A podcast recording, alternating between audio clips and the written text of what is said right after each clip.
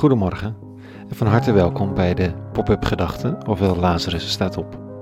Ik ben Rico, tof dat je luistert. De Pop-up Gedachte is een overweging die ik dagelijks schrijf tussen 6 uur en 7 uur. Mijn manier om de dag te beginnen. Vandaag met de titel Het bederf van het beste. Pop-up Gedachte woensdag 1 juli 2020.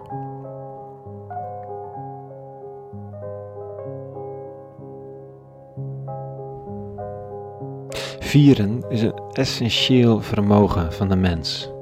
Reflecteren op wat er goed geweest is of is, markeren van grote levensmomenten, rituelen die erbij horen en vieren maar. Of dat nu met scheepsladingen, alcohol gebeurt of met bedeesde koffie en koek, vieren is vieren en het is onmisbaar. Zo zijn we gemaakt, in elkaar gezet, vierende mensen vergeten dat nog eens en dan hebben we geen tijd voor feestjes. In coronatijden überhaupt moeilijk. Of we stellen feestjes uit tot betere tijden, wat, wat meestal gewoon geen goed idee is. Ik bedoel, juist in donkere tijden is vieren nodig. Het hoeft niet altijd uitbundig. Halleluja, in de gloria. Kijk, met een team werkten we de afgelopen maanden aan het Graceland Festival. Dat, dat natuurlijk naar volgend jaar getild moet worden, festival. En dan is nog maar zien, maar goed, hoop doet leven en het thema wordt het grote feest.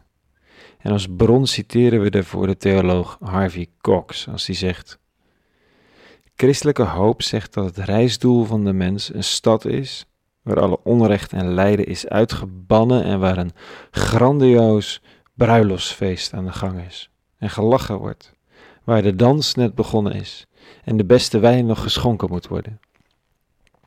Hij zegt soms eens genoeg te hebben van de loodzware ernst waarmee theologen over God en genot plegen te spreken.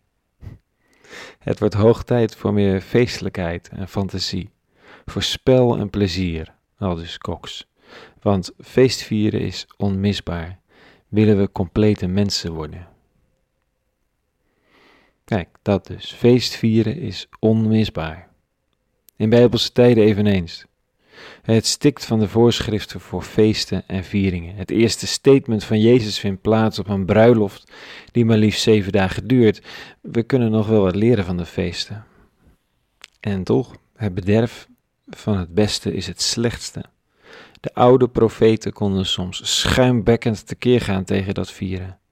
Psalmdichters schreven walgend van de feestelijkheden. Niet uit Puriteinse overwegingen, maar omdat het bederf van het beste het slechtste is. Kijk, trouwe liefde tussen twee mensen die samen een exclusieve relatie aangaan, dat is uniek, kwetsbaar, fantastisch breekbaar en bijzonder. Gaat zo'n relatie de mist in, om wat voor reden dan ook, dan wenst je soms dat ze nooit dat hele trouwe kinderen krijgen en alles hadden hoeven meemaken. Wat een scherven, wat een pijn, wat een breuklijn in de aardkorst die zich zo stevig onder hun voeten leek te hebben gevormd. Vandaag zegt de profeet dit, namens de eeuwige. Ik haat, ik verfoei uw feesten, uw vieringen kan ik niet luchten.